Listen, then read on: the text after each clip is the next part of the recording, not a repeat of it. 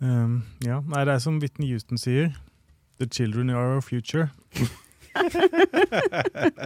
Huff a meg, det må få klippe vekk der. ja, det er bra.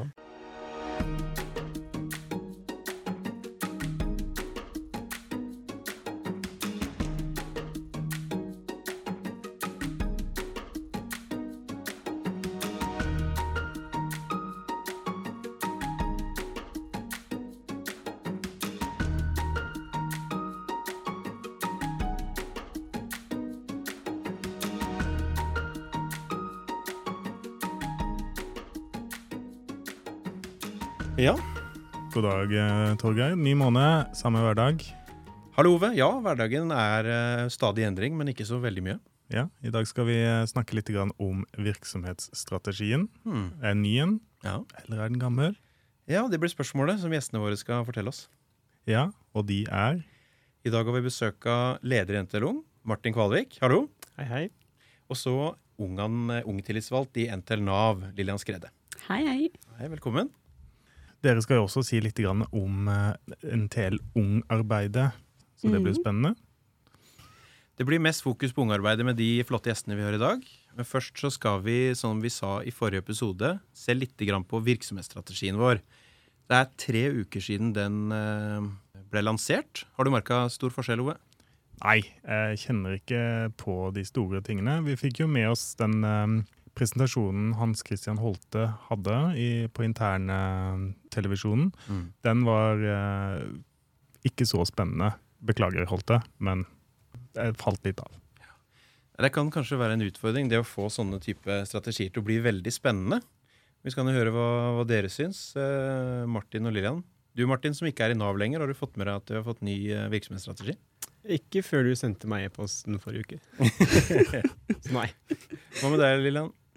Ja, og det er jo vanskelig å være uenig i det som har blitt eh, lagt fram, tenker Mm. jeg. Det, virksomhetsstrategien sier jo noe om samfunnsoppdraget vårt og hvordan vi skal løse det. Og ja, jeg vil jo si at den er veldig generelt formulert, så det er veldig vanskelig å være uenig, liksom. Det er det, som ansatt i Nav. Det jeg har tenkt litt, er det at arbeidet med den, det har vel òg kanskje farga litt hvordan eh, Holte ønsker å jobbe med tillitsreformen. At det kanskje er satt litt i sammenheng. Eh, virksomhetsstrategien den legger jo veldig mye vekt på eh, hvordan vi skal nå ut til brukerne, og hvilken opplevelse de skal få. Mens tillitsreformen har jo egentlig òg hele tiden handla om tillit til nedover i systemet og mellom ansatte og ledelsen til de ansatte. Men så ser han jo nå i arbeidet med tillitsreformen i Nav at det òg har blitt vridd over til at bruker skal ha tillit. I mye større grad enn det kanskje det var opprinnelig tenkt. da. Og det tror jeg kanskje er forma av at det har liksom vært litt på samme tid. da. At Mm. arbeidet med virksomhetsstrategien kom, eller starta før, og så kom tillitsreformen og ja, har dratt med seg noe av det. da. Mm, kanskje har det blitt eh, litt mer blanda sammen enn eh, det burde ha blitt. Men hvem er det som er um, utforma? Er det bare ledelsen, eller er det noen tillitsvalgte som har vært med? Nei da, vi har vært med i en del eh, workshops og prosesser rundt eh, å diskutere en del av disse orda, disse boksene. For deg, Martin, som eh, ikke har hørt den, så kan vi jo si sånn i hovedsak hva det er for noe. Lillian var jo inne på det som gjelder oss internt i Nav. Det er jo det fjerde punktet. Sammen løser vi samfunnsoppdraget. Den er mest sånn den som skuer innover, og som har mest eh, grenseganger til tillitsreformen. Mens eh, de tre første boksene de sier litt om samfunnsoppdraget. da. Vi mobiliserer arbeidskraft i et arbeidsliv i omstilling. Alle får pengene de har krav på, enkelt og forutsigbart. Sammen finner vi løsninger med dem som trenger det mest. Og vi kan vel være enige om at dette er eh, tre helt fine punkter.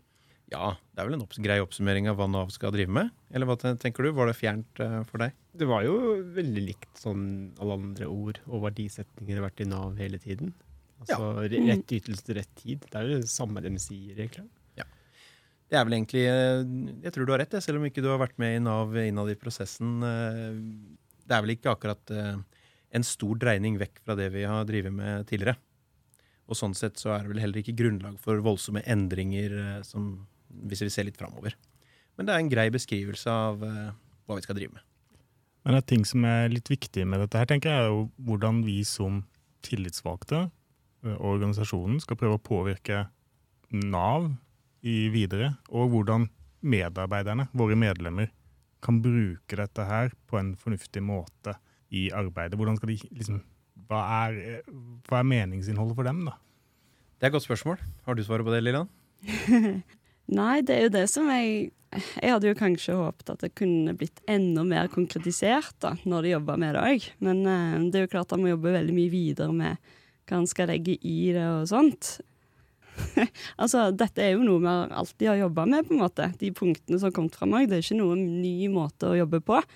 Men det krever jo kanskje at han fyller det med litt nytt innhold. At han jobber konkret med hvert enkelt punkt, og at eh, Egentlig så må jo alle linjene i Nav sette seg ned og gjøre det, da. For det finnes jo ikke en felles måte for linjene å jobbe med det her på. Mm. Ja, det er et godt poeng. Mm. Altså, denne strategien ser fram mot 2030. Og det er klart eh, Med mindre politikerne ga oss noe helt annet å gjøre, et helt annet oppdrag, så ville det være rart hvis eh, strategien pekte i en helt annen retning enn det vi kjenner også. Um, og så er jo det sentrale i målarbeid det er jo på en måte skape en sammenheng mellom de store orda på toppen og ned til hverdagen. Kanskje må du bruke noen forskjellige nivåer på det. Nå skal vi i gang og, sentralt og se på treårige prioriteringer. Så det blir jo første steg videre. Og så er jeg jo helt enig i deg, det må være lokal forankring på dette. Mm. Hva betyr dette i hverdagen vår? Og det blir kanskje ikke det samme om du jobber i en hjelpemiddelsentral, et Nav-kontor, en forvaltningsenhet eller direktoratet.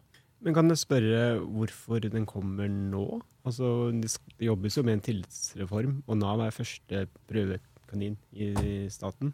Og så tar man en virksomhetsstrategi som absolutt bør ha med det som er en tillitsreform. Og jeg tror rett og slett det handler om, Martin. Altså Kanskje er det en ny direktør som ønsker å sette sitt preg litt på ting. Begynne et planarbeid på nytt. Samtidig så var det vel at vi hadde også en virksomhetsstrategi tidligere som var i ferd med å rett og slett løpe ut på det tidsperspektivet som var på den. Så det tror jeg kan være to av grunnene. Ja, jeg tror du er mye inne på det når det er en relativt ny direktør, da. Og det er jo klart at en ny direktør vil jo òg ønske å sette sitt preg og på en måte sette i gang de visjonene han har, da. Så det tror jeg er mye av grunnen. Og det, det kan jo i hvert fall Holte få. Han har uh, ideer om hvordan han vil styre sjappa. Uh, men jeg tenker jo også at det, det dere sier da, om hvordan dette skal fungere lokalt, er noe vi som tillitsvalgte skal ta tak i. Vi tar det inn i fylkes-MBA, i, i resultatområdet-MBA, vi tar det i lokalt MBA, og medlemmer og medarbeidere må jo ta det opp i avdelingsmøter og enhetsmøter og snakke om hvordan, hva dette betyr for oss. Og drive fram ideene som ligger til grunn her, eh, i en praksis, og finne ut hvordan dette mest mulig effektivt skal nås. da. Så mye mer å si om tillitsreform, tror du? Nei, eh, virksomhetsstrategi, mener jeg. Nei, jeg syns det er spennende når det er to parallelle prosesser, da. Det med tillitsreform og virksomhetsstrategi.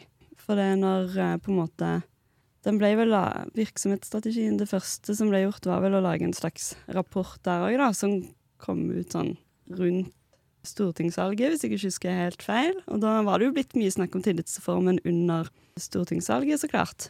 Men òg når de la fram den rapporten, så var jo tillit en av de delene de snakka en del om, da. Ja, men Det er jeg enig i, Lillian. Og jeg tenker vi må vel ha tillitsreform på agendaen tenker jeg, neste gang, Ove. For eh, jeg syns jo altså dette er fine overordna ord på hva mm, samfunnsoppdraget er i Nav. Viktig. Samtidig, Martin, som du sier, ikke noe revolusjon. Eh, mens tillitsreformen er jo etter mitt syn mer spennende.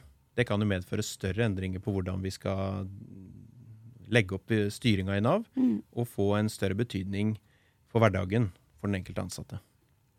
Men fra en uh, framtidsvisjon til en annen. NTL Ung. Ja, Hvordan går arbeidet? Skal jeg begynne? ja si litt om eh, Du er jo leder, Martin. Og hvis ikke vi sa det, så er jo du altså også Har du bakgrunn fra Nav og NTL Nav? Ja, jeg kan jo si det. Jeg begynte jo i Nav i 2014. Eh, første ordentlige jobben min etter jeg var ferdig å studere.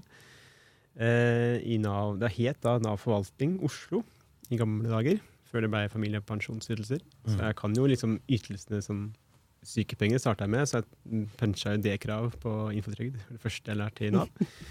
eh, og så gikk det over til eh, barnetrygd. eh, før jeg ble, begynte å jobbe på Nav Ringerike på arbeidsavklaringspenger.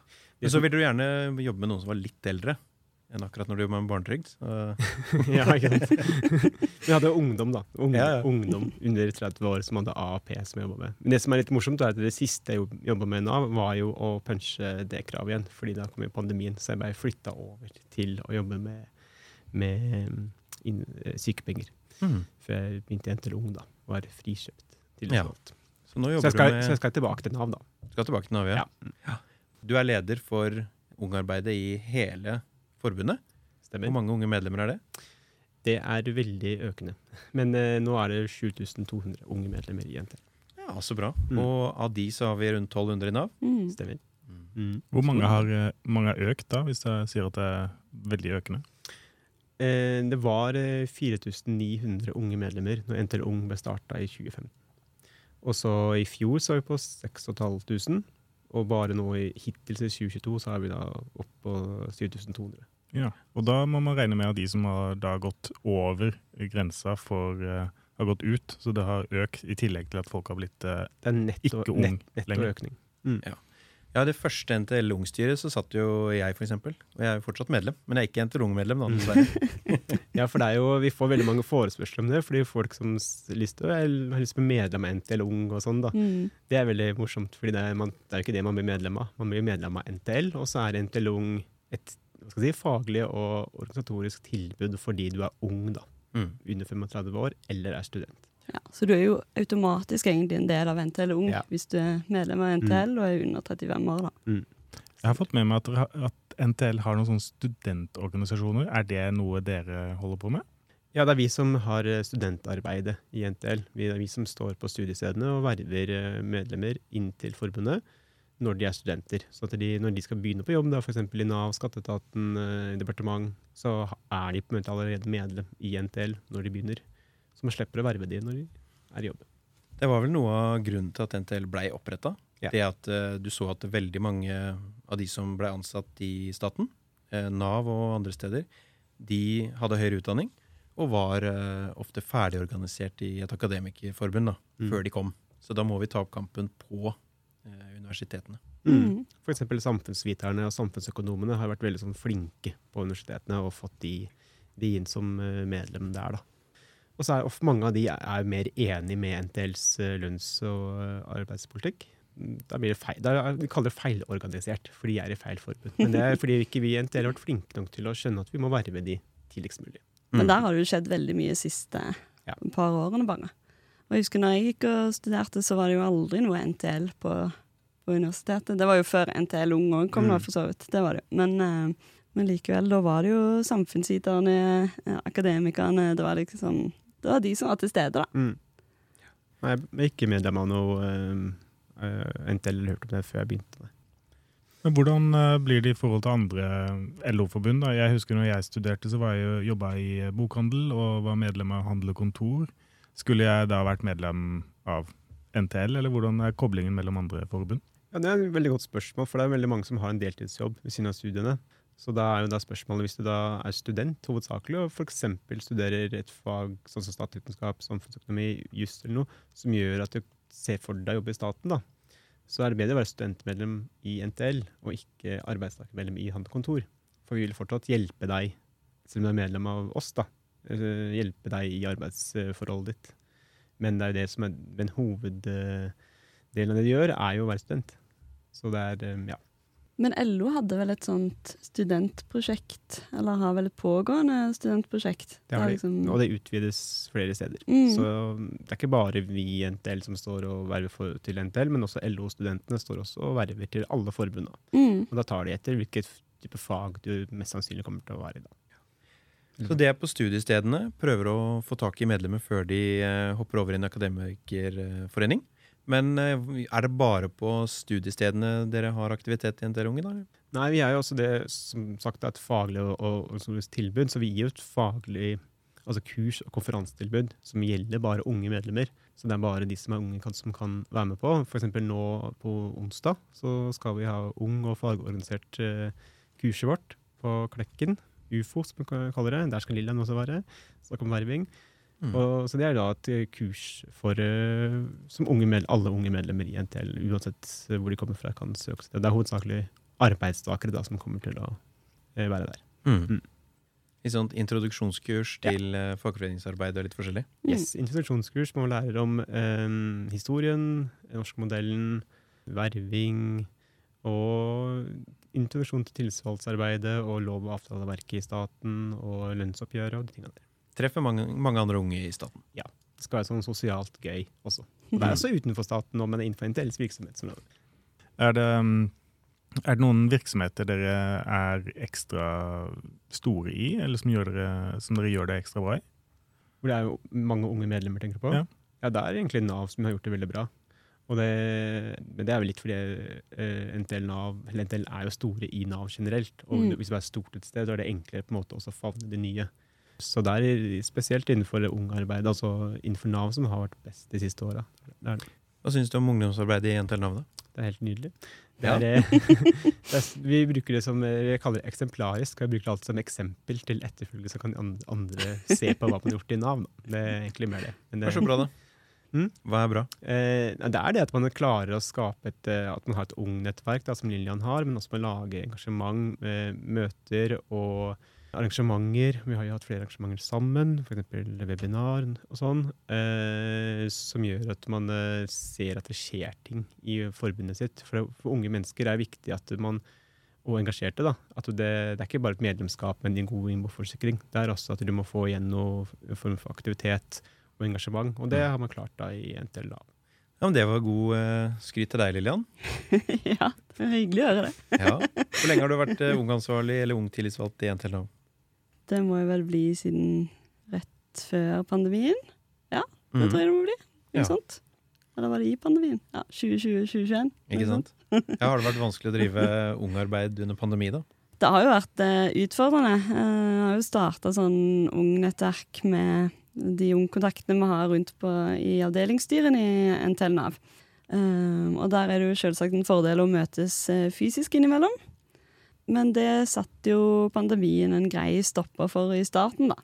Så første gang vi fikk møtes fysisk, det var faktisk nå før sommeren i mai. Da Da fikk vi endelig til en fysisk samling. Men vi har jo hatt, hatt eh, jevnlige digitale samlinger. Det har vi hatt. Men du merker jo at eh, å møtes fysisk, det er noe helt annet, liksom. Da blir du kjent, da går erfaringsutvekslingen automatisk i pauser på kveldene og underveis, liksom. Så du får en helt annen diskusjon. Så det er klart det har vært utfordrende, og det tror jeg mange av ungkontaktene rundt forbi òg syns. Utfordrende å få, uh, få gang på ungarbeidet, både fordi det har jo òg vært mange midlertidige under, under pandemien som har uh, slutta, og det har jo vært mange ungmedlemmer. Så da har det vært stor gjennomtrekk av den basen du har òg, da. På en måte, som gjør det ja, enda utfordrende å få til noe kontinuerlig arbeid, da. Har vi ungtillitsvalgte i alle avdelingene? Per dags dato så er det vel bare én avdeling som ikke har ungtillitsvalgt. Så det, det er veldig bra. Det var mye det bedre enn da jeg starta. Bra at de andre har det, Mm. så må vi bli, eh, få på plass overalt, da. Ja da, og de jobber jo for det. Den, den avdelingen som ikke har det, de jobber jo for det. Så det kommer nok på plass, det òg. Det kan være en oppfordring til eh, unge medlemmer, og at det er eh, mulig å komme på årsmøtene som er i februar-mars. Der velges ungdomsansvarlig i avdelingene. Mm. Så vi trenger, eh, trenger det overalt. Trenger unge medlemmer som engasjerer seg i styret. Ja. Men hva er det de på en måte er forventningen til en ung tillitsvalgte? Kan du si noe om det? Sånn at det ikke eh, Det er ikke så av, avskrekkende. Nei, det er jo på Mm. ingen måte det. Og selv om det kalles ungtillitsvalgt og sånt, så betyr jo ikke det at du skal sitte alene om ansvaret for aktivitet for de unge medlemmene. Eh, men det handler vel litt om å på en måte ta hovedinitiativet, og på en måte ha et slags hovedansvar for at det skjer noe, da. Og ikke minst være talerøret i styret, avdelingsstyret, for hva som er viktig for unge medlemmer. Eh, sørge for at styret er oppmerksom på at vi, det òg må være aktivitet som er enten kun for unge medlemmer, eller særlig retta mot unge medlemmer, eh, og litt sånt, da. Så det er jo mest det det handler om, å få et fokus på det. Og så kan han jo velge sjøl hvordan han vil organisere det, om det er styret som i fellesskap jobber med det, om man har et slags ungutvalg med eh, du som ung eh, tillitsvalgt i styret, og så har fått med deg noen engasjerte ungmedlemmer ved siden av. At det fins mange måter å løse det på, da. Det handler også veldig mye om representasjon. At det er ofte å være tillitsvalgt, enten sentralt eller spesielt sentralt, men også lokalt. At det er de som er litt eldre, som har jobba lenge i virksomheten, eller på en måte, ja. Mm. Og så er det sånn, litt sånn skremmende kanskje å liksom ta den plassen der. Men det er veldig viktig å ha unge som kan representere andre unge. Litt pga. det med verving, at ofte så ser vi at uh, man blir gjerne verva av en annen ung person da, når du kommer inn et sted. Mm. Uh, men også det, det, der med litt med saker som tar opp også. F.eks. det du sier Lillian, med midlertidighet. Mm. At det er ofte unge som kanskje er midlertidig i jobb, og da vil de klare på en måte å få opp den saken kanskje høyere på dagsordenen da, med å være i et styre. Ja. Mm. Det er litt uh, forskjellige typer saker som unge er litt mer opptatt av enn uh, ansatte generelt, kanskje. Ja, det kan jeg si. Og så er det litt mer sånn Vi har jo også på, på nasjonalt nivå, altså NTLUN-konferansen på nasjonalt nivå, Mm. og der, der um, eh, møtes jo alle unge medlemmer i i alle NTL-virksomheter. Og så, og så diskuterer man politikk og saker som, som er på en måte litt mer under tryggere rammer og litt mer sånn avskrekkede enn ofte de andre NTL-møtene som kan virke litt svære og ordentlig dyktige folk. ikke sant? Det skal være en arena rett og slett for å trene litt på det skal å litt, ja. Delta i en debatt Mm. og være på talerstolen og Mm. svette litt. ja Det er ikke så farlig Nei, likevel. det er ikke så farlig likevel, men, men likevel så har vi litt makt også, da. Men, eh, men, men, men, det, det er et sånn sted ja, som du kan eh, prøve, prøve deg litt og være på talerstolen første gang. Og det er kanskje det fineste ved NTL Ung som jeg ser, da. Når jeg ser folk som går på talerstolen i NTL Ung for første gang, Mm. og det gjør de på NTNU-konferansen. Mm. Og tar, eh, snakker om hva som skjer på sin lokale arbeidsplass, og hva som er viktig at dem, deres fagforening tar opp videre. Tar opp videre da. Så det, det er et veldig fint, eh, fint sted å være, altså. Mm. Ja, det handler jo om å få en bærekraftig organisasjon. At Mm. NTL skal være det, da. Hvis vi ikke får med oss liksom de unge og eh, engasjere nye medlemmer, så vil vi jo til slutt ikke henge med på ting som skjer. Og til slutt, når folk går av med pensjon og sånt, da har vi jo ikke flere igjen. Så det handler jo om å opprettholde både kompetanse og engasjement i fagforeningen. Og jeg tenker også i arbeidslivet så handler det mye om det der òg. At som ung arbeidstaker så mye rettigheter du ikke er klar over, og sånne type ting. Kanskje du føler deg litt sånn erstattelig, rett og slett, som arbeidstaker. Så det handler litt om å få fokus på det òg, da. Og ja, sette fokus på at de unge arbeidstakerne har veldig mye kompetanse som er viktig å ivareta. Både i vår organisasjon, men òg i, i arbeidslivet, da. Absolutt. Det høres jo ut som kanskje en av de viktigste oppgavene dere kan ha. da, Å å bare gjøre folk oppmerksom på, eller medlemmer, Mm. oppmerksom på eller disse problemstillingene når de kommer inn i arbeidslivet. Ja. Dere har faktisk rettigheter. Arbeidsgiver kan ikke gjøre hva, dere, hva de vil. Nei. Snakk med oss, vær med, med oss. Men Midlertidighet ble nevnt, men er det andre saker som de unge medlemmene i eh, Nav er spesielt opptatt av? Lilian? Jeg merker jo det der med utviklingsmuligheter og sånt, da. Det er noe som eh, det hele tiden kommer spørsmål om. Hva er liksom utviklingsmulighetene i Nav, og hvilke veier kan han gå, og sånne type ting, da. Og lønn, det er jo egentlig aktuelt blant alle, men òg for eh, unge. Ja, det er ikke til å stikke noen stol om at Nav må jo være konkurransedyktig på lønn òg, hvis han skal klare å tiltrekke seg unge, nye arbeidstakere. eh, som han gjerne vil. da. vil gjerne ha nyutdanna folk mange steder. Og da forsvinner de fort, hvis eh, lønnsnivået heller ikke er bra. Det er jo en stund siden NTLO-konferansen, men hva var liksom de eh, temaene som dere debatterte hardest eh, på konferansen? Ja, det var jo forskjellige ting innenfor politikken. En, en del som har vært eh, kan, ja, Det er to ting da, som kanskje har vært de mest, eh, mest diskusjoner på. Eh, det ene er klimapolitikken. altså det er mange, av, eller mange unge er veldig opptatt av klimapolitikken. Men eh, det- som kanskje har vært mer aktuelt for Nav på NTLUNG, er det med dagpenger for studenter. Ja. Så det er den diskusjonen som var mest sånn hardest, og den er tettest med votering også, fordi studentene er det veldig viktig for, å ha- for å ha dagpengemuligheter. Men unge Nav-medlemmer kommer med sin altså de faglige kompetanse på at hei, hei, dette her kan skape problemer. Ja, ikke sant? Fordi folketrygdloven sier det, da, som er veldig, veldig innafor å komme med. Og det Mm. med egentlig en veldig fin diskusjon, syns jeg. da. Eh, Sånn alt i alt. Veldig gode poenger fra, fra begge sider, syns jeg. Så litt oppsummert, både talerør for de unge, både litt sånn på høyere nivå, men også på, i styrene hos oss. Eh, og et litt sånn ekstra aktivitetstilbud da, til unge. Det er liksom det viktigste. Mm. Ja, jeg syns jo i en så stor bedrift si, som Nav, så da er jo fort tanken at eh, ja, om noen slutter, det står 100 i kø. Og det er sånn Ja, bare sist uke så var vi jo på et arbeidsplassbesøk der det var en unge medlemmer som åpent sa at de satt med den følelsen av at eh, Mm. hadde de slutta, så hadde ikke arbeidsgiver brydd seg om det, for de visste at de fikk lett inn nye folk.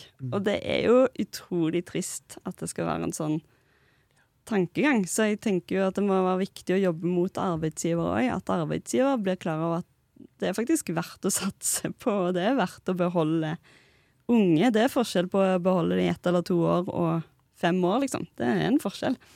Tragisk holdning fra arbeidsgiver selvfølgelig der. Eh, men det er jo enda mer tragisk at man En ting er å ha den holdningen som ikke er bra, men å til og med si det til unge medlemmer på midlertidige kontrakter, at dere skal liksom bare være heldige at dere har en jobb, Mm. eh, så, og presser de sånn implisitt til til å jobbe mer og hardere fordi at de er så erstattelige. Mm. Det er en eh, håpløs politikk, syns vi. Altså. Jeg er helt enig. Og det er, men sånn var det når jeg jobba i Nav starta Nav i 2014. var det akkurat samme holdning. Så det er veldig synd at det ikke har blitt noe utvikling på den fronten der. Ja. Og det er, det er som du sa også, med det, vi mister kompetansen internt. Og hvis man skal ha virksomhetsstrategier som er gode, så må man jo ha ansatte som er der over tid. Ja. Som, som ja, kan Det eh, det. utvikle Nav videre. Så det er jo og nå er det jo også mangel på arbeidskraft der ute. Så det er ja. Og under pandemien så har vi jo eh, virkelig kjent på den kostnaden knytta til opplæring, ikke sant, Mm. og det å på en måte den gjennomtrekken og måtte lære opp folk på nye ting hele veien. Ja. Eh, Nei, det der må vi eh, Det er ikke sånn overalt i Nav, Mm. heldigvis. Eh, Nå fikk vi et eksempel på det her, men det kan hende vi må ta det opp sentralt igjen, igjen, kanskje. Ja, det er stor forskjell på, på arbeidsgiver her, altså. Det er det. Så Mm. det er ikke sånn overalt. Nei. Men det er jo klart at hvis vi De som har jobba lenge, når de en gang slutter, og vi sitter igjen med folk som knapt har vært der et år, da da kommer ikke vi til å være en veldig kompetent eh, bedrift i Nav heller, da. Det er litt ungpolitikk i dette òg, tenker jeg. fordi under pandemien så ja, da jobba jo mange hjemmefra.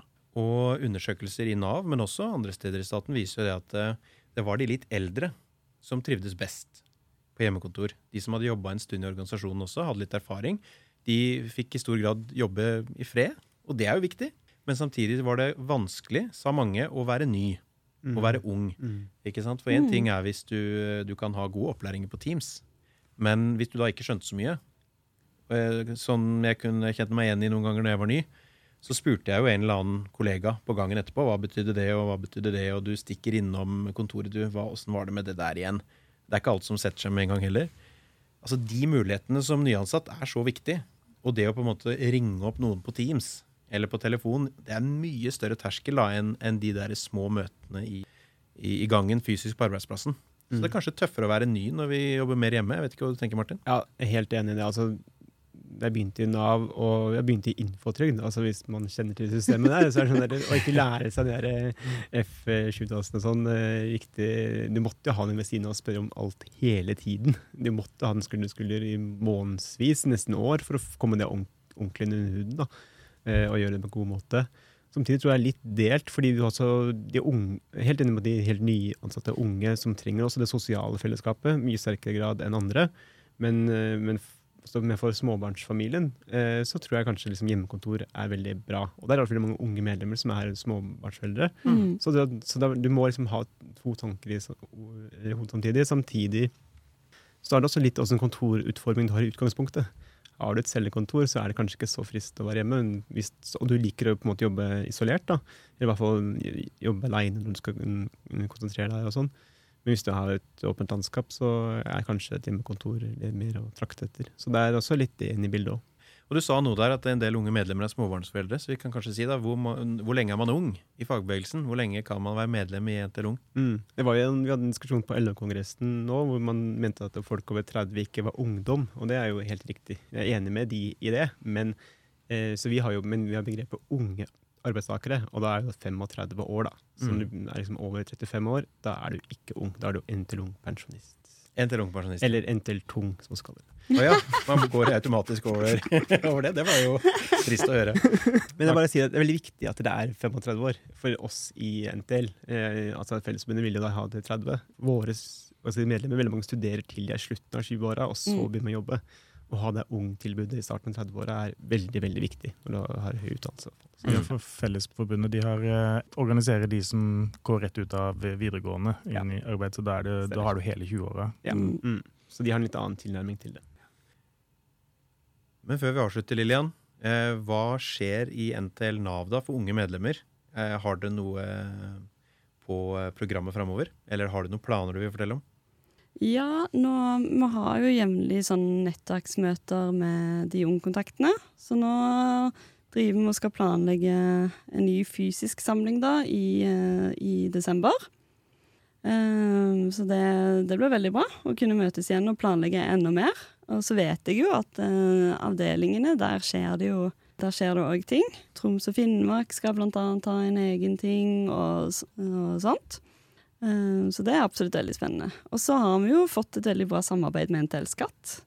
Det har òg vært veldig bra. Jeg og ei annen fra NTL Nav vi var nylig med på en ungsamling som NTL Skatt hadde i Brussel. Der det var 50 medlemmer fra NTL Skatt som de hadde samla der. Eh, Det var veldig interessant. Og det er veldig spennende å snakke sammen om både ulike og like utfordringer han har, da. Og i NTL Skatt så er de òg veldig flinke med ungarbeid. Så det er veldig spennende å se hvordan det kan gjøres på ulike måter, da. Men at det samtidig er veldig mye likt. Blir det noen noe egen konferanse for unge medlemmer i har i 2023, da? Ja, altså Det kommer jo plutselig opp på sist styremøte, og det hadde jo vært kjekt å få til. Så det tenker jeg at det må vi bare kjøre på. Så det, er det penger, så skjer det. Satser på det. Da har jeg lært mye om ungarbeid i NTL i dag, men jeg sitter igjen med vårt avslutningsspørsmål. Dere er unge og antageligvis ganske nylig vervet, men hvordan ble dere vervet? Martin, vil du starte? Jeg ble faktisk ikke verva før jeg fikk tilbud om fast kontrakt. Så det er også litt midlertidighetsopplegg. Jeg tenker da, fordi da var konkurransen så stor eh, Du fikk jo høre det, du, du, er, du kan byttes ut med en gang. Så jeg ble, men jeg ble verva av Marlen, som er like gammel som meg, og veldig søt. Oi, jaså? Så, ja, så, det, så det er ofte at det er unge verver unge. Du, du merker det. De, de, altså vi, vi, det, vi bruker ordet homososial reproduksjon. Oi. For du vil være med folk som er lik deg selv.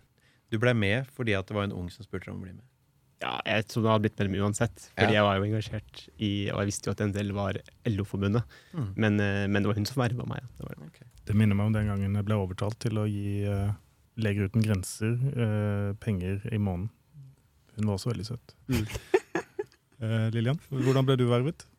Det var litt samme greia. Det var faktisk May-Len som spurte meg òg først. Er det sant? Det Men eh, hun, hun klarte ikke å verve meg, da. Det gikk okay. uh, lang tid før, uh, før eh, jeg lot meg verve.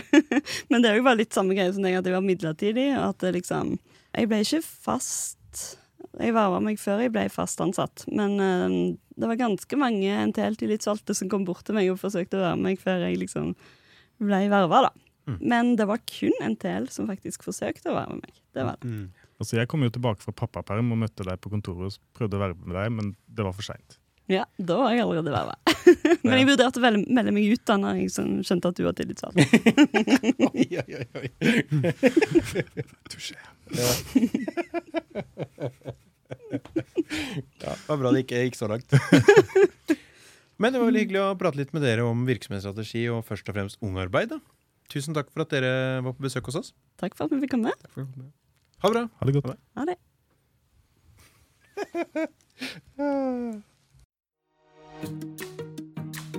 Takk til deg som hørte på. Hvis du har spørsmål eller kommentarer, Ris eller ros, så er vi veldig takknemlige om du sender en e-post til torgeir.homme alfakrøll nav.no. Vi høres.